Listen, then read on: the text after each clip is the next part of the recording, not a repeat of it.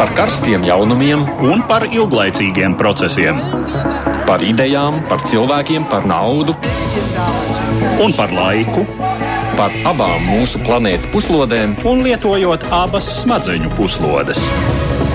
Ēterā raidījums divas puslodes. Ir atkal pienācis laiks Latvijas raidījā viens ētrā palūkoties, kas tad jauns un interesants notiek citās valstīs. Šis ir raidījums divas puslodes, un studijā esam mēs, Edvards Liniņš un Ainis Tomsons.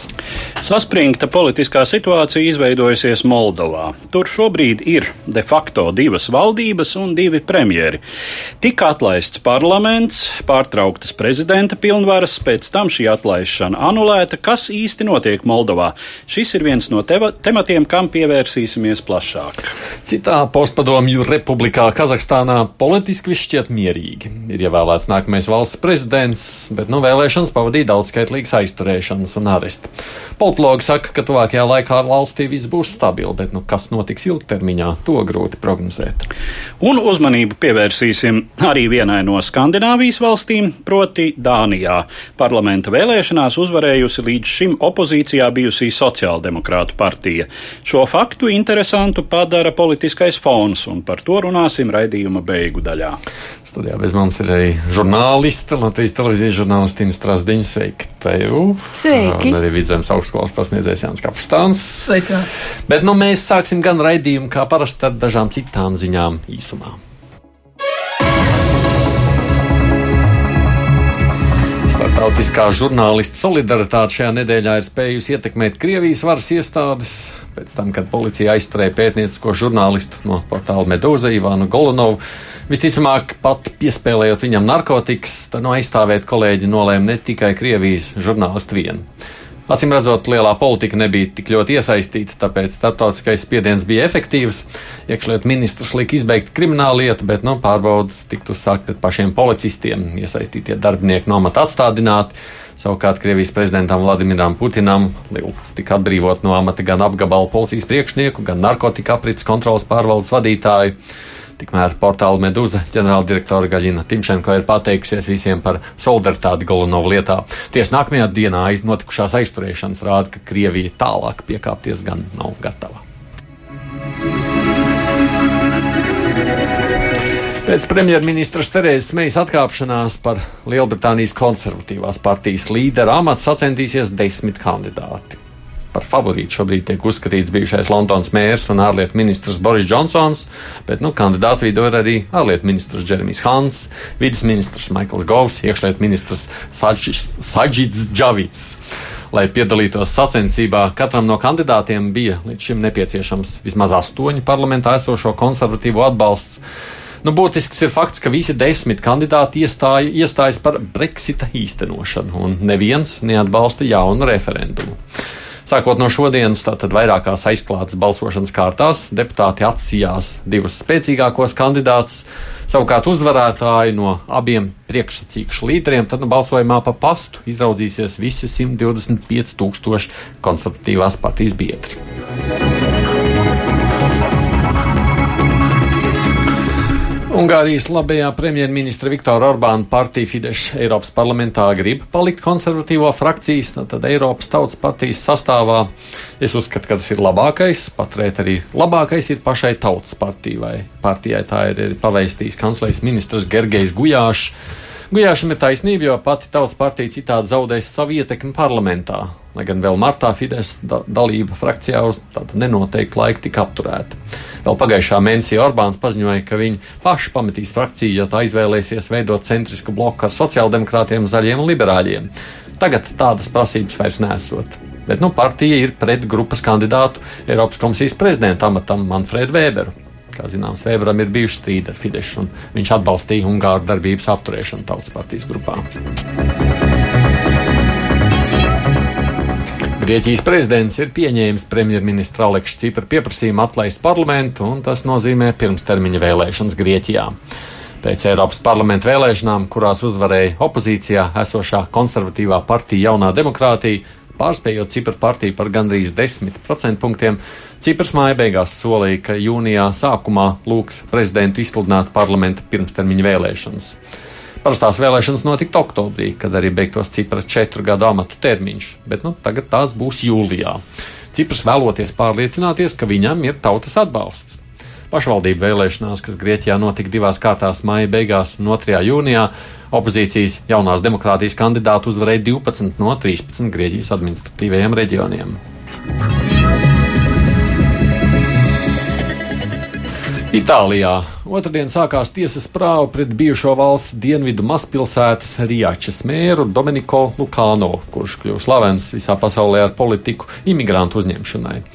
Lukāno, kurš pilsētu vadīja no 2004. gada līdz pagājušajam gadam, tiek apsūdzēts par naudas piesavināšanos, amata pilnvaru ļaunprātīgu izmantošanu, nelegālās imigrācijas atbalstīšanu un citiem smagiem noziegumiem. Pats viņš vainu visās apsūdzībās noliedz. Pirms tiesas sēdes Lukāno žurnālistiem sacīja, ka nejūtas kā politisks prāvas upuris, bet, nu, esot vienmēr strādājis vājo un atstumto labā. Vairāk bijušā rieča smēra atbalstītāji pie tiesas nama rīkoja protestu, ģērbjoties kreklos ar uzrakstu Paliksim cilvēcīgi. Lukāno vadībā Rieči tika slavināta kā integrācijas paraugs, jo viņš piesaistīja pilsētai simtiem imigrantu, kas cits starpā apgūva vietējās amatniecības prasmes, viņiem tika piedāvāts darbs, iztiks pabalsts. Oktobrī mēru atstādināja no amata un viņam tika noteikts mājas arests. Bet nu, tagad pievēršamies sākumā minētajiem tematiem un vispirms par notiekošo Moldovā. Jau tūlīt pēc februārī notikušajām Moldovas parlamenta vēlēšanām bija skaidrs, ka jaunās valdības izveide būs ļoti grūts uzdevums. No 101 parlamenta deputātu vietas 35 ir ieguvusi Maskavē draudzīgā sociālistu partija, kuru pārstāv arī valsts prezidents Igors Dodons. 26 vietas pro-eiropeiski orientētais partija bloks Akuma.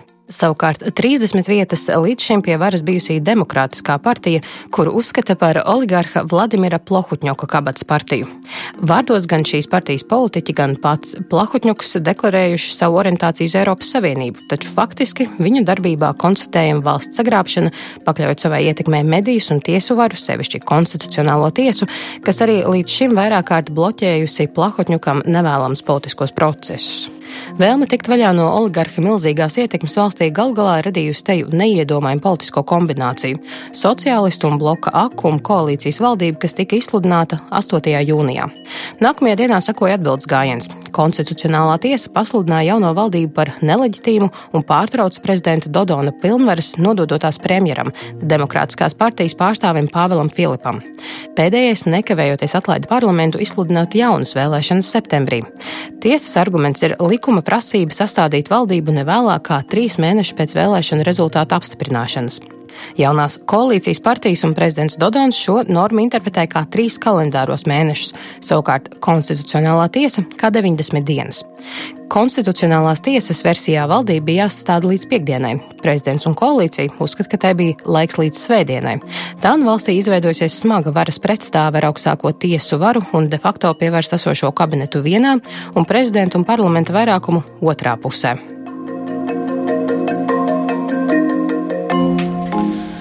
Kopā mums arī Strasdiņš Jānis Kapstāns. Vakar radio mums bija arī ārlietu ministrs Kruspunkta Edgars Rinkēvičs. Viņš nu, diezgan piesardzīgs savos izteicienos, kāda ir Latvijas attieksme pret Moldovā notiekošo. Šodien viņam arī bijusi arī sazvanīšanās, bet es saprotu, ka rietumi vispār sliecas atbalstīt šoreiz parlamentu un prezidentu un tad, jauno valdību. Jūs simpātijas. Jaunās valdības pusē, Kapstāna kungs. Jā, es domāju, ka mēs droši vien šeit nevaram runāt par simpātijām vai antipātijām. Drīzāk mums jāpaskatās, tad, kas ir kas. Un faktiski Moldovā tā situācija diezgan bijusi sarežģīta tādā ziņā, ka kopš PSRS sabrukuma Moldova visu laiku plus mīnus mēģina daļu tā kā uz Eiropas Savienību sliekties, daļu uz Krieviju. Un viņi, viņiem nekādīgi neizdodas to galīgo izvēli izdarīt, un līdz ar to sabiedrība ir briesmīgi sašķelta, un tad tur rodās šis te juceklis, jo, piemēram, pēdējais ilglaicīgais prezidents Igors Dodons ir stingri vērsts uz Krieviju, savukārt parlamentu, teiksim, vismaz vairākums vai valdības pēdējā laikā ir bijušas tā kā uz Eiropas Savienību. Vismaz viņas pašas sev tā ir nosaukušas, ka ir vērsts uz Eiropas Savienību. Plus nāk klāt vēl trešais spēlētājs, ja tā var teikt, līdzīgi kā Ukrainā, šie te oligārhiji. Un tad varētu teikt, ka šī bilde ir ļoti sarežģīta. Bet šoreiz pat stāsts nav starp rietumiem vai austrumiem. Šoreiz stāsts starp parlamentu, ievēlētu un konstitucionālo tiesu, kas arī ir pat par sevi Nu, Īstenībā situācija ir ļoti slikta, jo būtībā domstarpības būtībā par kādu vienu dienu, vai ne, par kaut kādām stundām, un tas nav nopietni. Nu, jā, jo, jo šeit ir... katra puse var sev spēcīgs arguments pie, un tik, tik līdz viņi vēl piedraud savus atbalstītājus izvest ielās, es teiktu, ka tas jau ir diezgan tuvu nopietnām sadursmēm. Un uh, vēl viens no ļoti nopietnas simptoms ir, ka no amata, ka no darba ir atlaisti vairāki policijas ierēģi, kas ir pauduši savu atbalstu Jaunie. jaunizveidotajam Jā. kabinetam, savukārt eh, valsts policijas priekšnieks kurš pakļaujas vecā kabineta iekšlietu ministram, viņus nekavējoties ir atlaidis. Ja šādas pretī stāvošas eh, de facto, de jure nesaprotamas valdības sāk dalīt savā starpā spēka struktūras, nu, tas ir liels solis pretim pilsoņu karam, es nebaidīšos teikt, vai katrā ziņā nu, nopietniem satricinājumiem. Uh, un uh, vispār tā situācija, es domāju, Latvijas teiksim, sabiedrībai nu, nav nekas tik principiāli neizprotams. Jo, ja mēs atceramies mūsu samērā nesenu pagātni, tad mums arī bija, un faktiski jau joprojām ir, politiski spēki un politiskas figūras, kuras sevi no vienas puses visnotaļ pozicionē kā eiropeiski orientētas, uh, un no otras puses, nu, netuvu netiecas tuvināties Eiropas vispār pieņemtajiem standartiem, labas pārvaldības, uh, pilsoniskās sabiedrības, uh, likumiskuma un tā tālāk nozīmē. Bet mums nebija pilsoņu karš stāsts, mums bija stāsts par lietu sarga revolūciju. Ina, ko tu saki? Man tajā visā stāstā ļoti interesē tiešām tā Eiropas Savienības un, un rietumu reakcija uz to visu, jo tiešām uh, kaut kā, nu, ir tādas, uh, nu, nogaidoša, man liekas, pozīcija, un arī tā kā mūsu ārlietu ministrs sacīja, kad ir uh, jārisina viss tādā mierīgā ceļā, jo Eiropas Savienībai Moldova patiesībā ir ļoti svarīga. Tā ir viena no austrumu partnerības sešām valstīm, un tas, ko, protams, Protams, Eiropa vispār grib, lai, teiksim, arī panāktu šo e, Austrumu Savienību, ir, lai Moldova pievēršās, nu, teiksim, tā riet, rietumnieciskām vērtībām, un tāpēc man liekas, ka tā, tā Eiropas tāda, nu, tāda, teiksim, nu, tāda, nu, kā lai pasaka, tāda attieksme, tāda mierīga šoreiz nogaidoša ir tādēļ, ka ir šī partija tagad, Dakum, kas skaitās proeiropiskais bloks, kur tātad grib veidot valdību kopā ar sociālistiem, un es arī pati Eh, mēs pirms radījuma runājām, ka Jānis ir bijis Moldāvā, un es arī biju pirms kādu laiku, un es tikos eh, ar politiķiem, man ir ļoti spilgti prātā palikušas eh, intervijas ar sociālistu partiju, kas ir tā prokrieviskā un kur arī tagad kā, veidos valdību. Nu, toreiz tā intervija bija ļoti smaga, jo viņi patiešām ir ļoti putinistiski. Viņi patiešām ir nu, nu, tādi cieti rieksti, ja, un viņi noaudzināja man arī par Baltiju un ko jūs tur vispār iedomājaties un, un, un, un nepilsoņu jautājumiem. Tā kā viņi tiešām ir, ir tāds sarežģīts spēlētājs, bet tas, ka šajā koalīcijā ir arī tā otra Eiropiskā partija, man liekas, tas Eiropas Savienība šoreiz nostāda tādā situācijā, ka, nu, būtībā ir jāļauj jāļauj Moldovai pašai izšķirties. Paklausāmies, ko vakar teica ārlietu ministrs Edgars Inkevičs, tādu garāku fragmentu no kruspunktā raidījuma. Mēs uzskatām, ka demokrātiski ievēlētie Moldovas institūti, tādi kā parlaments, tādi kā prezidents, nu arī faktiski parlamenta izveidot valdību, ka šiem mehānismiem ir jāstrādā, bet ir arī jāmeklē kaut kādas iespējas dialogam, jo uh, Kas šobrīd ir? Šobrīd tā situācija ir tāda, ka ir konstitucionālās tiesas spriedums, kas faktiski paziņo, ka parlamentam pilnvaras beidzās teksim, 90 dienu laikā pēc uh, vēlēšanu apstiprināšanas. Ir savukārt tie, kas uzskata, ka trīs mēnešu laikā, un tur starpība ir divas dienas, tad ir diskusija par to, vai prezidentam ir pienākums vai tikai tiesības atlaist parlamentu, ir konstitucionāls tiesas. Lēmums ir uh, pagaidu prezidents, ir divas valdības. Un es domāju, tas nenāk par labu pirmkārt pašai Moldovai. Tāpēc, ka mēs redzam, ka tas faktiski attālina jebkādas izredzes šai valstī tuvoties Eiropas Savienībai, kamēr ir šāda veida problēmas. Tas arī apgrūtina mūsu iespējas sadarboties ar valsti un sniegt tai atbalstu gan kā Eiropas Savienībai, gan arī kā Latvijai. Un treškārt, tas, protams, rada tādu zināmu nenoteiktību. Pie tam mēs arī lasām, ka cilvēki pulcējās ielās, demonstrācijās organizētās. Es domāju, ka šobrīd, un tas ir tas, ko mēs darām, mēs iestājāmies par to, ka Eiropas Savienībai vajadzētu būt vienotākai un aktīvākai sarunu partnerei. Un, un otra lieta, un tiešām tā ir Eiropas Savienības diplomātijas loma, un otra lieta, kas ir neapšaubāmi skaidra, ka mēs kādreiz pielaidām kļūdu.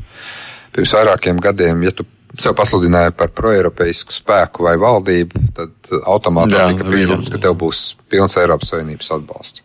Tādiem žēl ar skaistiem lozungiem tika izdarīts nepārāk labas lietas. Tā pašā Moldovā tas pats miljards, kas tika arī, diemžēl, daļai caur Latvijas bankām nopludināts un aizpludināts nezināmā virzienā. Un līdzīgi bija situācija arī Ukrainā, kad iestājās par labajiem un sliktajiem, un beigās, nu, diemžēl, mēs nonācām pie ļoti sarežģītas situācijas. Tāpēc Mūsu aicinājums Eiropas partneriem ir neatbalstīt konkrētus politiķus vai, vai partijas, mēģināt stingri uzlikt, ko mēs vēlamies redzēt kā reformu, kā politisko programmu, un tad runāt par to, ko mēs varam atbalstīt. Bet ar kuru valdību mēs tā runājam? Pašlaik tā situācija ir fantastiska, jo mēs uh, redzam, ka mūsu Eiropas Savienības vēstnieks, starp Latvijas vēstnieks, tiek aicināts gan pie prezidenta, gan pie jaunās valdības, gan uz jauno parlamentu, mm -hmm. gan arī komunikācija notiek ar arī tiem, kas vēl ir amatā. Mēs šobrīd vēl nesam formāli nacionālu lēmumu pieņēmuši, tāpēc, ka mēs spiežam uz to, ka tam ir jābūt tomēr kopīgam Eiropas Savienības. Mēs pagaidām runā ar abiem. Es teikšu tā, pagaidām vairāk ir iekšpolitiskais process un pagaidām vairāk ir tāds gandrīz vai kā novērotāja process, jo abas puses stāsta to, ko tās vēlās izstāstīt uz tādu kārtīgu dialogu, teiksim, par, par kaut kādām prioritātēm vēl visi pošās.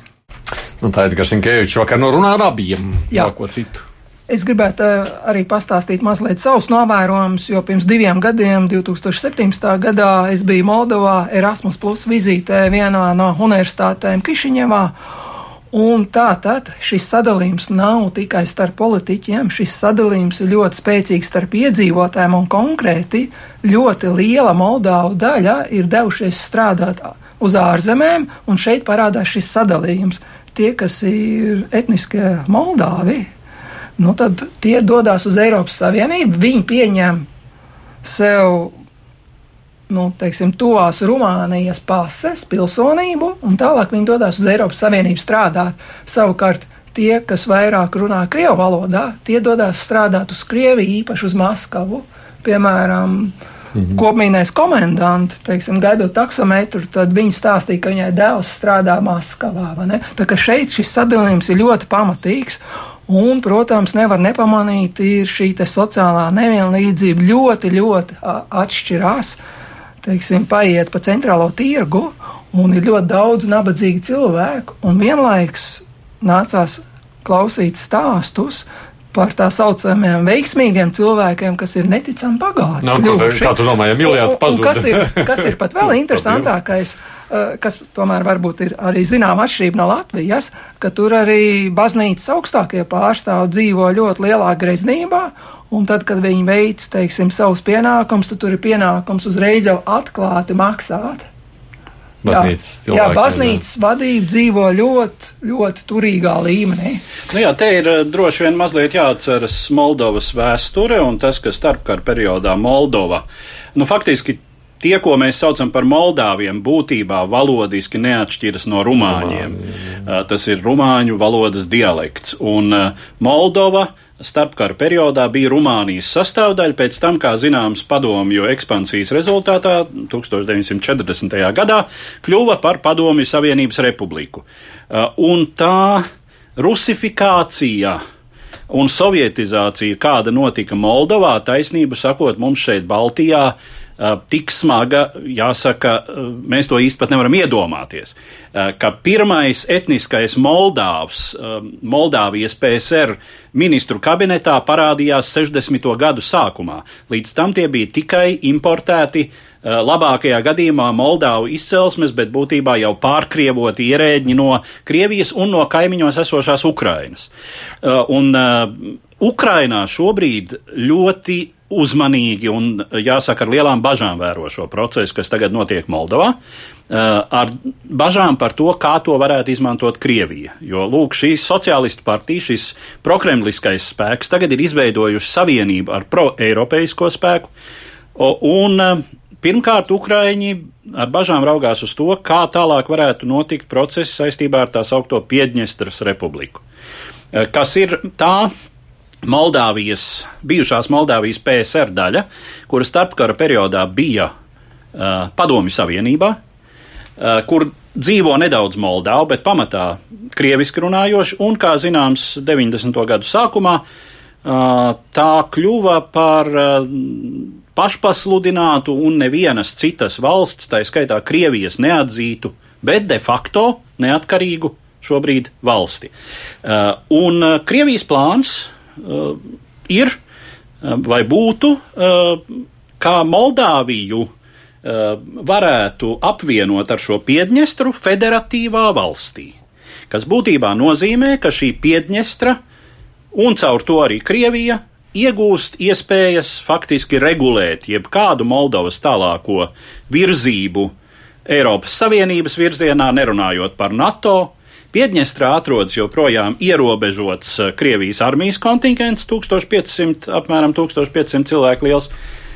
Ja Moldavā, ja Moldavā destabilizēs situāciju, mēs varam viegli iedomāties, ka Krievija vienpusēji var šo kontingentu palielināt, tā sacīt, pēc Piedņestras iedzīvotāju lūguma, uh, kuri jūtas apdraudēti. Līdzās ir Ukrainas Odesas apgabals, viens no ar Odesas pilsētu, viens no krieviskākajiem un prokremliskākajiem Ukrainas apgabaliem.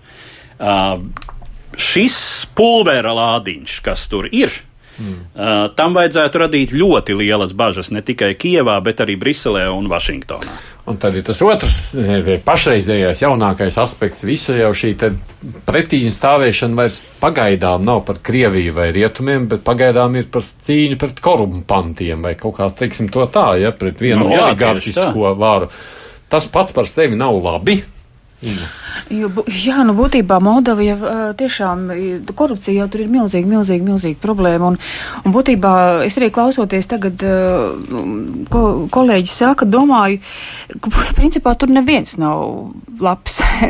kā, kā, kā teikt, tur neviens no, no, no politiskām partijām nav tīra. Arī iepriekš, kas veidoja demokrātiskā partija, kas veidoja valdību, nu tur ir oligarks pieteikšanas. Ja, nu, tā ir oligarhu, oligarhu veidota principā valsts. Jā. Ja?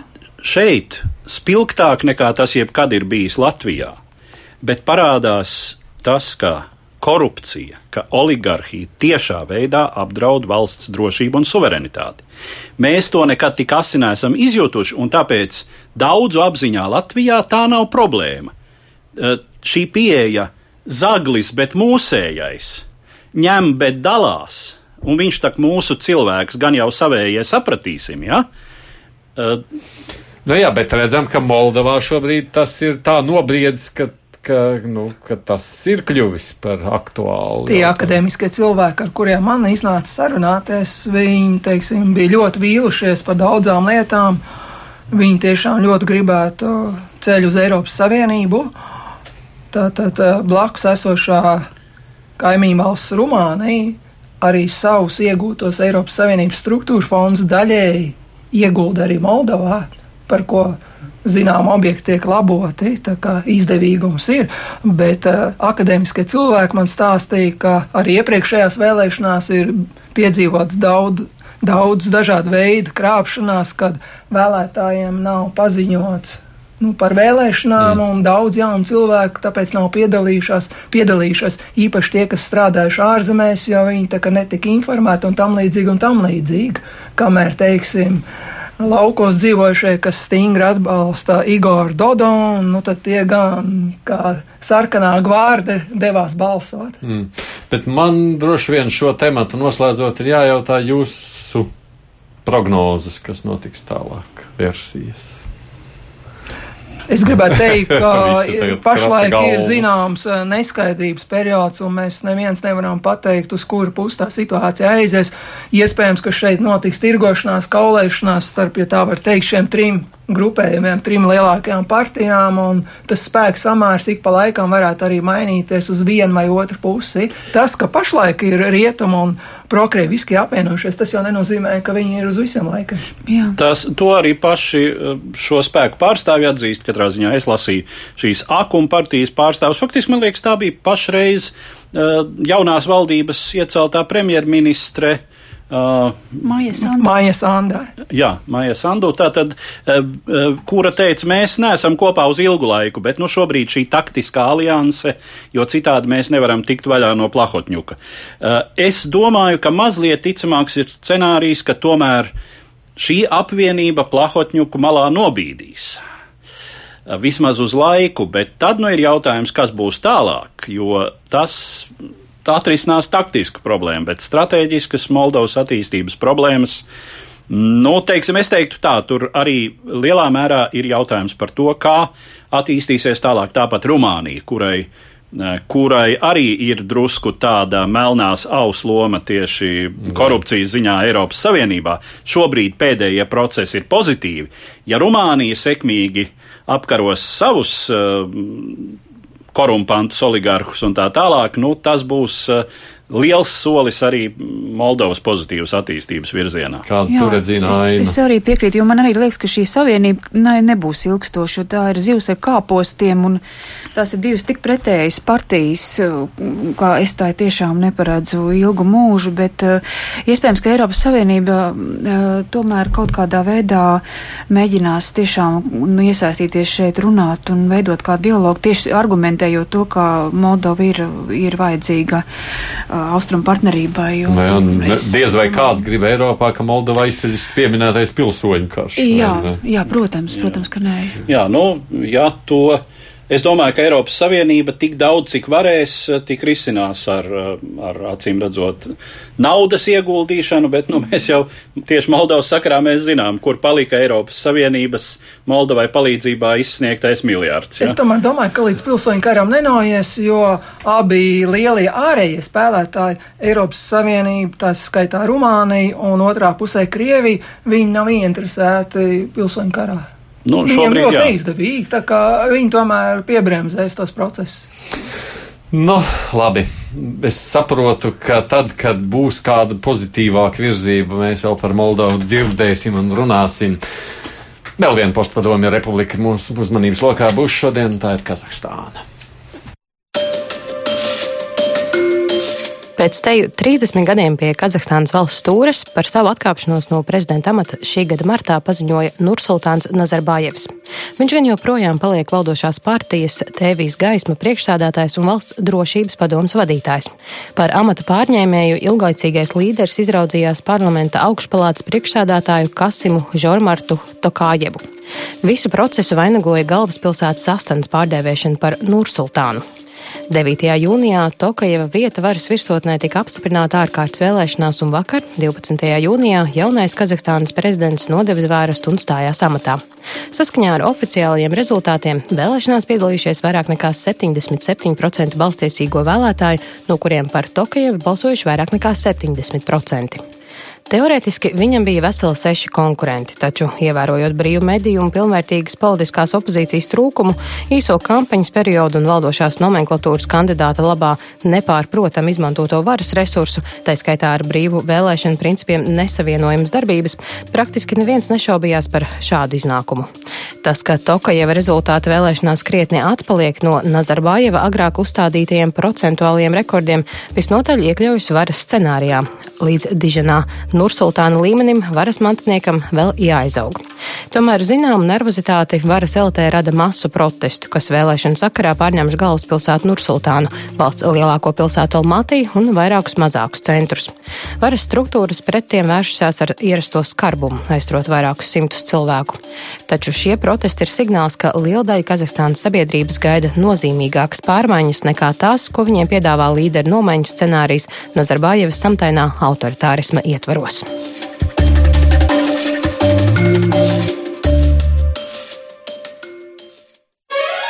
Divas puslodes. Atgādījums studijā Inna Strasdīna no Latvijas televīzijas Jānis Kapstāns no Vidzemes augstskolas, no Edvards Liniņš. Un es, mēs jau runājām ar Edvardu savulaik par Kazahstānu, kad no amata atkāpās iepriekšējais prezidents Nušultans Nazarbājevs. Nu, kā jau mēs te dzirdējām ierakstā, tā tad vēlēšana rezultāti, nu, likumsakarīgi. Man ir drīzāk jautājums jūsuprāt, Tīna, Kāpēc varas iestādēm vajadzēja tik ļoti plašas cilvēku aizturēšanas pie tūkstoša? Es saprotu, šobrīd ir sodīti, arestēti. Tas tiešām bija nepieciešams. Man liekas, Kazahstāna parāda, kas patiesībā tā ir ar, ar šo aizturēšanu, ka tā, tā ir valsts tomēr no demokrātijas joprojām tālu. Arī visas vēlēšanas ir, kas ir notikušas, kā arī atzinuši vēlēšana novērotāji, ir tālu no, no demokrātiskiem procesiem. Un, protams, ka tas nav vajadzīgs, jo tas uz āru izskatās tiešām briesmīgi briesmīgi, un, un, un, un rietumu mediji par to ļoti daudz raksta. Bet eh, jaunais prezidents um, uh, Kasims Žamārts Tokājevs ir, ir apsolījis, ka viņš nevērsīsies pret opozīciju stingri pat veidos padomi, kurā būs, teiksim, um, opozīcijas pārstāvji un, un, un, un nevalstiskās organizācijas un tam līdzīgi, bet vai tas notiks, nu, to mēs tiešām nevaram pateikt šobrīd, bet, nu, protams, tāda vēršanās pret žurnālistiem un pret, pret opozīciju bija ar arestiem, protams, tas bija ļoti, nu, kā lai pasakā, nu, ne, nedemokrātisks solis, protams. Ko jūs pāriesakāt par šo situāciju? Es gribētu teikt, šeit ir gan jā, gan nē. Ņemot vērā, ka Kazahstānā arī man bija gods pabūt pirms diviem gadiem, 2017. gadā, arī Erasmus Plus vizītē, un es uzturējos nu, tātad, eh, bijušajā galvaspilsētā Almatī. Un tad eh, mani vērojumi apmēram būtu šādi. No vienas puses, tiešām Kazahstāna ir nedemokrātiska. Visi tie vēlēšana rezultāti, viss tā ir, varētu teikt, bijušo PSRS laika Vidusāzijas republika tradīcija, kur šie līderi, viņi būtībā valda uz mūžu. Ļoti iespējams, ka tad viņa ģimenes turpina valdīt tālāk. No tāda viedokļa šaubu nav, pēc Eiropiešu standartiem, nedemokrātiska zeme. No otras puses, Kazahstāna tomēr ir salīdzinoši tāda maigāka, salīdzinot ar pārējām kaimiņu valstīm, īpaši Uzbekistānu un citām, ka šeit ir arī kaut kāds rietumu vēsmas ienākušas. Un vēl mums jāņem vērā arī ģeopolitiskā situācija. Kazahstāna, teiksim, iepriekšējais prezidents Nazarbājevs. Nu, viņš, protams, oficiāli rādīja, ka viņš vienmēr ļoti stingri draudzējās ar Krieviju, ar Putinu, vienmēr brauc vizītēs Maskavu, bet eh, īstenībā Kazahstāna ļoti manevrē un skatās arī uz otru lielu valstu, kaimiņos Ķīnu. Tā kā viņi nemaz nav tā viennozīmīgi uz Krieviju vērsti, un viņi Kazahstāna arī mēģina, teiksim, organizēt vizītes uz ASV un Rietumu valstīm. Tā kā Kazahstānai ir savi lieli naftas krājumi, tad īstenībā arī rietumi viņi pārāk neiebilst pret to, ko dara Kazahstāna. Tas ir tāds interesants moments. Un skatoties uz Nazarbājevu, viņam pašlaik ir 78 gadi, ļoti zolīts vecums, un tāpēc nav pārsteigums, ka formāli viņš aiziet no amatiem. Ļoti iespējams, ka patiesais varas centrs, vai vismaz nākotnē, varētu būt viņa meita, Darīga Nazarbājeva, kas tagad ieņem parlamentu spīkers amatu, kas skaitās otrais ietekmīgākais amats. Un agrāk ir arī izskanējuši runas, ka, piemēram, kad mums bija uh, šī te pareks krīze, ka tur šai meitai Darigai iespējams varēja būt ļoti liela finanšu resursi ieguldīt, kas tika atļauti izņemt, iespējams, arī jau mm. pēc premjerministra noteiktā naudas ierobežošanas. Nu, tas arī jā. rāda šo milzīgo ietekmi. Jā, bet par opozīciju var tev paprasīt, Eduard, tavs. Cik no es zinu, tad um, pirmkārt Kazahstānā īsti nav nopietnas uh, sistēmiskas politiskās opozīcijas tādā izpratnē, uh, kādā tā ir, nu, kaut vai tajā pašā Moldovā, uh, kur, teiksim, ir valdošā partija un tā ir nozīmīga opozīcija, kas, eh, kas pretendē pārņemt varu vēlēšanās. Šajā gadījumā tā tad ir šī valdošā partija. Tur situācija lielā mērā atgādina situāciju tajās padomju bloka valstīs savā laikā, kur bez valdošās, vai nu tā bija komunistiskā vai strādnieku vai socialistiskā partija, ir pieļautas vēl citas politiskās partijas, nu, piemēram, teiksim, Austrumvācijā savā laikā darbojās uh, Kristīgo demokrātu partija, Uh, bet tā balsoja, nu, principā tā, kā noteica uh, Vācijas, uh, kā nu to sauc, apvienotās, apvienot tās uh, sociālistiskās, jeb, jeb strādnieku, nu tagad var kļūdīties, partijas centrāla, kom, centrāla komitejas lēmumu. Ja? Uh, attiecīgi, uh, opozīcijas partijas lielākoties spēlē uh, nepieciešamo opozīcijas lomu, bet par nopietniem politiskiem spēkiem tās neuzskata īsti ne valdošā partija, ne, ne tie, kas analizē šo procesu.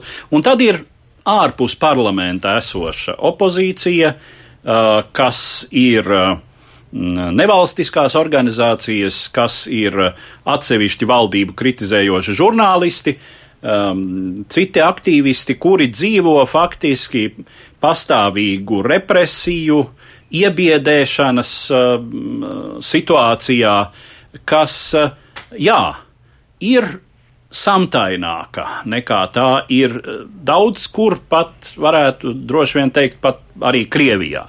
Ar viņiem, teiksim tā, viņus tur, uh, tur uh, vajadzīgajā attālumā no varas uh, resursa un, un ļauj izpausties. Uh, nu, zinām, zināmās robežās, bet nu, tās robežas arī ir, ir gana šauras. Nu, mēs redzam, ja, ka tiklīdz cilvēki iziet ielās, tā viņus uh, mm, ātri un, un bez jebkādas uh, īpašas uh, minstināšanās sabāž restotos busiņos un, un nogādātā sacīt pārdomāt dzīvi. Mm.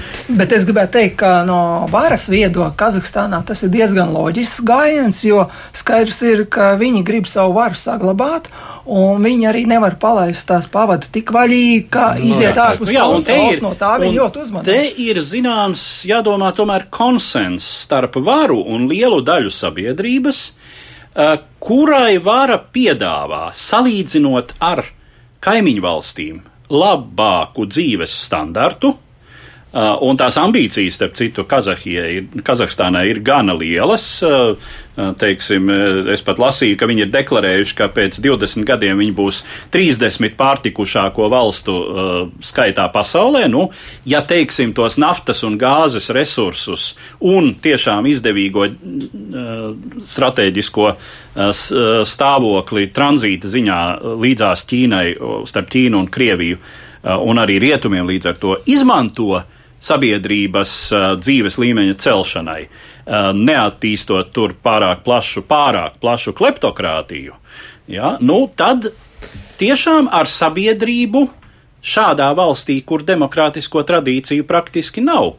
Šādā veidā var sarunāt. Bet uh, es gribu tomēr arī dot vārdu Karlim Daugstam, politologam, kurš mums klausās visu šo laiku cītīgi pie klausulas runājot. Jā dzirdējāt visus mūsu līdzinējos izteikumus, ņemot to visu vērā. Kā jums šķiet, Daugštkungs, kāda tad ir tā nākotne tālāk Kazahstānā politiskā? Kazahstānas nākotni, manuprāt, izšķirs viņas geogrāfiskais stāvoklis, jo pat labam Kazahstāna kļūst par tādu kā cīņas lauku lakmusa papīru attiecībās starp Ķīnu un Krieviju un Kazahstānas nākotne būs atkarīga no tā, kā veidosies šo divu lielvalstu attiecību jomas un spektri.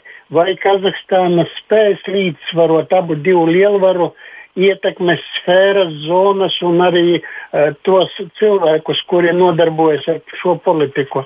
Manuprāt, ka ļoti skaidri būs arī jautājums, ziniet, diezgan tālu, tepat mūsu kaimiņos, Kazahstānas liktenis būs arī no tā atkarīgs.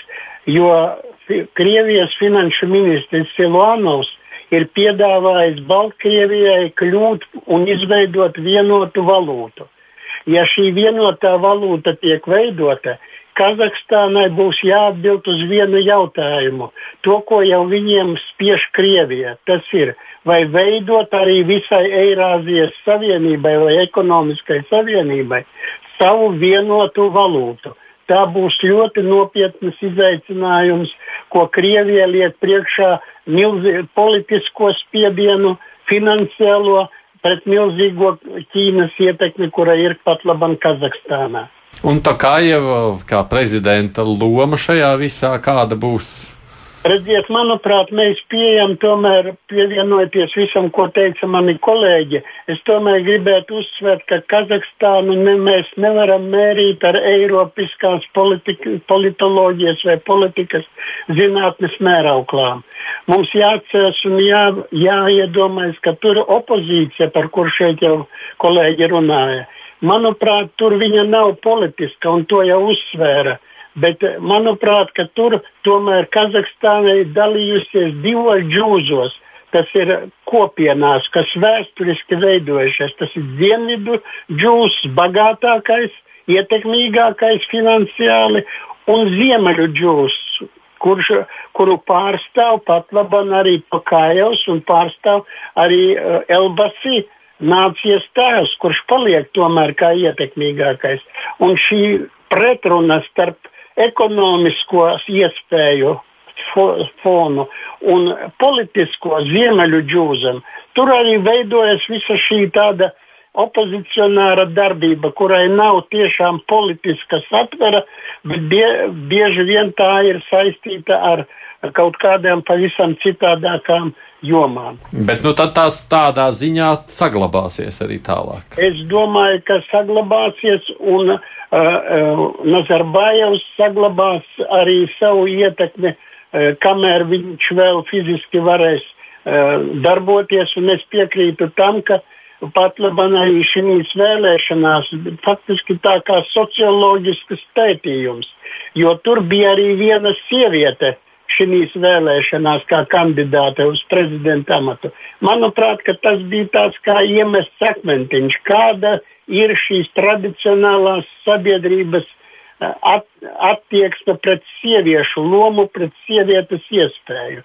Manuprāt, ka derīgas faktors tomēr uh, eksistēs un viņš ir ļoti, kaut arī viņa oficiāli ir atteikusies no savām pretenzijām, uh, tomēr politikā uh, atteikšanās vēl vārdos vēl daudz nenozīmē. Mm. Labi, paldies. Es jums saku, politologs Kārlis Daugšs. Man īstenībā šo tematu būtu jābeidz tā pavisam īsi komentāri no jūsu puses. Es vēl gribēju ātri piebilst par šo Ķīnas ietekmi Kazahstānā. Ir viņiem viena pilsēta, kuras ātrumā no galvas vairs neatceros, kur ir ļoti daudz jau ķīniešu viestrādnieki jau iepludināti, un Ķīna veic ļoti būtiskas investīcijas. Un, piemēram, Kazahstānā, ja grib labu, dabūt labu darbu, tad vismaz tajā pilsētā ir jābūt ķīn, ķīnas valodas zināšanām. Mm. Tā, tas arī tāds stingrs rādītājs. Un būtībā ārpolitikā līdz ar to Kazahstāna mēģina manevrēt Krieviju, Ķīnu un vienlaikus ārēji draudzīgs arī. Vai neslikts attiecības ar rietumiem, mm. īpaši ar ASV? Ne. Ejam uz priekšu. Vēl viens temats raidījuma beigdaļā par postpadomu telpu. Mēs nerunāsim, bet dodamies neklātienē uz Dāniju. 5. jūnijā notikušās Dānijas parlamenta vēlēšanas nesa uzvaru kreisajiem spēkiem, kas iepriekš bija opozīcijā. Sociāldemokrātu partija, iegūstot papildus gan tikai vienu deputātu vietu, nostiprinājusi lielākās parlamenta frakcijas statusu.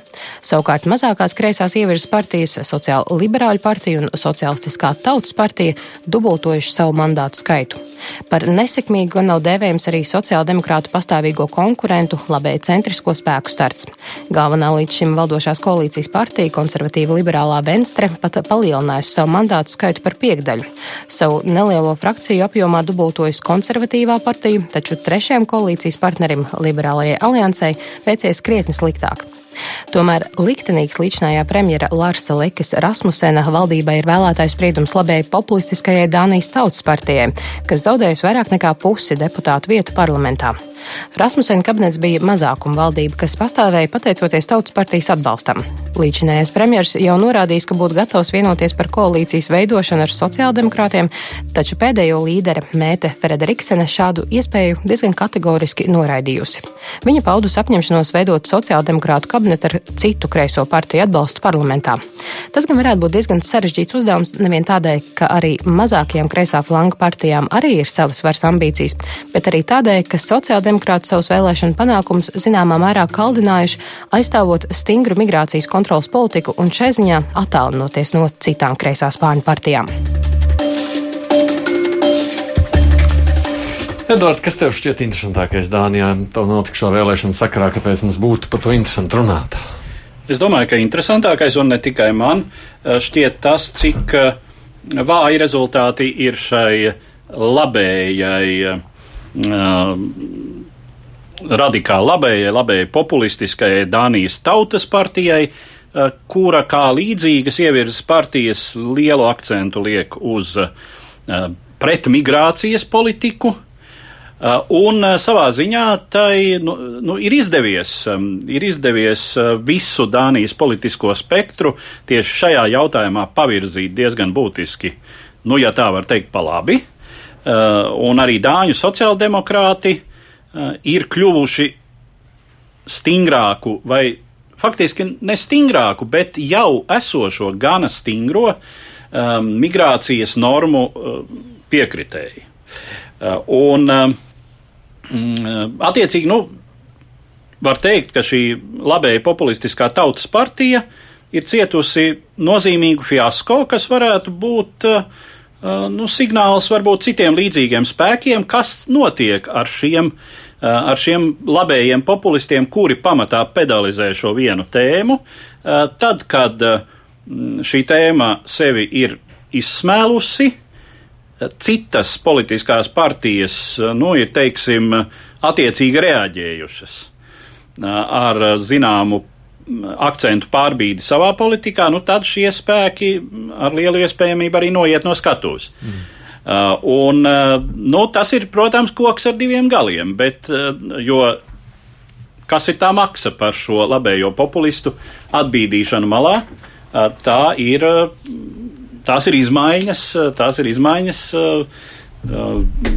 viņu, zināmā mērā, viņu diktētajā virzienā. Nu jā, tajā pašā laikā varbūt tāpēc, ka vēlētāju prasība tāda ir. Ko jūs sakāt par vēlēšanu rezultātiem kādu secinājumu no tā būtu varētu izdarīt runājot par Dāniju? Vispār tas ir interesanti, ka uh, Dānijā pie varas atgriežas sociāldemokrāti, tāpēc, ka daudz kur citur uh, Eiropā, piemēram, Vācijā, Francijā, Itālijā, viņiem ne... šī ideja mirst nost. Šī ideja mirst nost un, Jā. un ir pilnīgi pirms, pirms neilga laika runāja par absolūtu sociāldemokrātijas krīzi, bet, ja es nemaldos, labojiet mani, man liekas, arī citās Ziemeļvalstīs šobrīd ir sociāldemokrāta uzplaukums pareizi. Jā, Skandināvijā. Es gribētu teikt, ka Skandināvijā tomēr sociāldemokrāti, nu, ilgstoši tomēr ir plus mīnus ar ļoti liela ietekme. Protams, varbūt kāds periods, kad viņi arī nav valdībā, bet tātad blakus. Uh, Zviedrija, arī Norvēģija, nu, tomēr šie sociāldemokrāti. Bet nu, pirms gadiem desmit ietekmi. šķita, ka viņi mazinās tā viņu ies, ietekmi. Nu, vispār runājot par Skandināviju, te nu ir jāsaprot, ka uh, atšķirības starp sociāldemokrātiem un labējiem šais valstīs ir, uh, acīm, es domāju, vismazākās visur Eiropā, ja ne, ja ne vismazākās, teiksim, vispār pasaulē. Proti, labējie ir paši sociāldemokrātiskāki. Labējie ir mazliet pa labi no centra, ja neskaita dažas marginālas nelielas partijas, vai, nu, teiksim, tādus populistus, ja. Um, un kreisie, nu, ir vairāk vai mazāk pa kreisi no centra. Savukārt tur nav ļoti spēcīgas uh, komunistiskās partijas vai kaut kādas uh, maoistiskās, nu, viņas, protams, pastāv, viņas, viņas ir, bet, nu, savukārt tas kreisais flanks arī, arī ir salīdzinoši vājāks nekā daudz viet citur. Un, un vispār, nu, sevišķi par Dāniju jau tas tiek teikts, ka ļoti zema, zems procentu slieksnis iekļūšanai parlamentā, 2%. Parlamentā ir daudz partiju, attiecīgi daudz arī nelielu partiju, bet toties ir gadu desmitiem iestrādāta konsensa kultūra, nu, ko mēs faktiski runājam arī par Somiju, piemēram. Tā tad izpratne par to, ka ir jāsadarbojās, un līdz ar to ļoti um, ierasta situācija, ka pastāv mazākuma valdība, uh, kura balstās uz vairāku citu partiju atbalstu. Mhm. Labi, es ko pāriem Jā. Vēl par Dāniju mēs, protams, varam minēt, ka šī migrācijas faktors tomēr nav beidzis spēlēt savu lomu. Tātad migrācija pret migrāciju, nu, šo te momenti ir pārņēmuši gan tagadējie uzvarētāji vēlēšanās, gan arī līdšanējie ir ļoti stingri vērsušies. Un ja mēs skatāmies uz Dāniju, tad faktiski šeit ir vismazākais imigrantu, jeb iebraucēju skaits no Ziemeļvalstīm tiešām šeit ir ļoti mm -hmm. salīdzinoši neliels, un viņiem ir arī bijušas tādas interesantas lietas, ne tikai stingrāk robežu kontroli, bet arī, piemēram, konfiscēt vērts lietas patvērumu meklētājiem, jo viņi nav naivi, viņi zina, ka daudz pieteiksies uz pabalstiem, kas ir salīdzinot ar Latvijas situāciju ļoti iespaidīgi, un tāpēc viņi arī skatās, ja tie atbraucēji ir ar dažādām vērtslietām, nu tad bez kautrēšanās ir šis te likums, ka viņi ir tiesības konfiscēt. Jā, papriekš pārdodiet spīdulīšus, un tad pēc tam Jā. varat pretendēt uz pabalstu. Bet ko tu secini no tā, ka sociāldemokrātiskā ideja Skandināvijā dzīvo salīdzinoši ar Vāciju vai citām valstīm tevis pieminētajām? Jā, tas ir interesanti. Nu, tas solījums droši vien sociāldemokrātiem ir bijis gan jaudīgs. Jā, viens par to, ka viņi tiešām ir vairāk pret imigrāciju tomēr iestājušies un sola arī, teiksim, pensijas laikus samazināt, nu, tā, tā lai cilvēki varētu doties pensijā agrāk un vēl visādas citas lietas, no acīm redzot, jo tur ir viena tāda lieta arī, ka tas ir raksturīgi, protams, visai Eiropai, ka ir sabiedrības novecošanās un, Un eh, nu, šīs sociālā demokrātiskās idejas ir ļoti svarīgas, eh, eh, nu, teiksim, tādā varbūt vecāka atgājuma cilvēkiem. Tajā pašā laikā cits valsts savukārt to risina tieši ar migrācijas. Jā. Bet nu, tas biedē. Nu, šis risinājums Eiropā ir izrādījies nu, bīstamas zāles, jā, kuras jā. šobrīd vairs šobrīd vairs tiks lietotas, ne, nu tiks droši vien lietotas, un arī par Latviju Mēs jau arī tajā pašā skatāmies. Jā, tad, tad, kad, nu, tad, kad uh, piedodiet par vulgaritāti, ja mums tiks izteikts piedāvājums pašiem, uh, mainīt pamperus mūsu vecajiem radiniekiem nespējnieku namā, vai arī piekrist, ka to dara simpātiska, teiksim, Moldāvu meitene. Uh, man ir diezgan liels aizdoms, par ko vairums Latvijas sabiedrības izšķirsies. Ja? Jā, man ir, bet tas ir bijis no citas operas, bet kas man liekas interesanti arī, kā veidosies viena konkrēta cilvēka politiskā karjera pēc šī visa. Tā ir Margarita Vestāgere, kas šobrīd ir uh, Dānijas pārstāve Eiropas komisijā. Viņa ir konkurences komisāra, viņa tiešām, kā teikt, dāma ar aknām. Viņa mm. ir ļoti jaudīga, viņa ļoti cienīta Briselē, un viņa ir viena no uh, kandidātēm uz Eiropas komisijas prezidenta amatu. Un vismaz viņa pati ļoti grib to, ja. Un eh, tā kā viņi pārstāv šajās vēlēšanās zaudējušo partiju liberāļus, tad nezinām, kā mm, būs tas ar viņu atbalstu. Viņi, viņi pārstāv sociāli liberāļus. Jūs varat tā saukt to kreisā vēsture. Paturpināt aiz studijas durvīm, jo mēs beidzām. Nu, laiks ir beidzies. Es jums saku paldies Cīnu Strasdiņu no Latvijas televīzijas un Jānis Kapstāns no Vidzemes augstskolas. Paldies jums, ka atnācāt šeit. Uz raidījumu arī Edvards Liniņš, producēja Ieva Zeiza, studijā bija arī es Aits Tomsons. Es jums saku sadzirdēšanos nākamreiz, kad lūkosim, kas atkal jauns pasaulē ir noticis.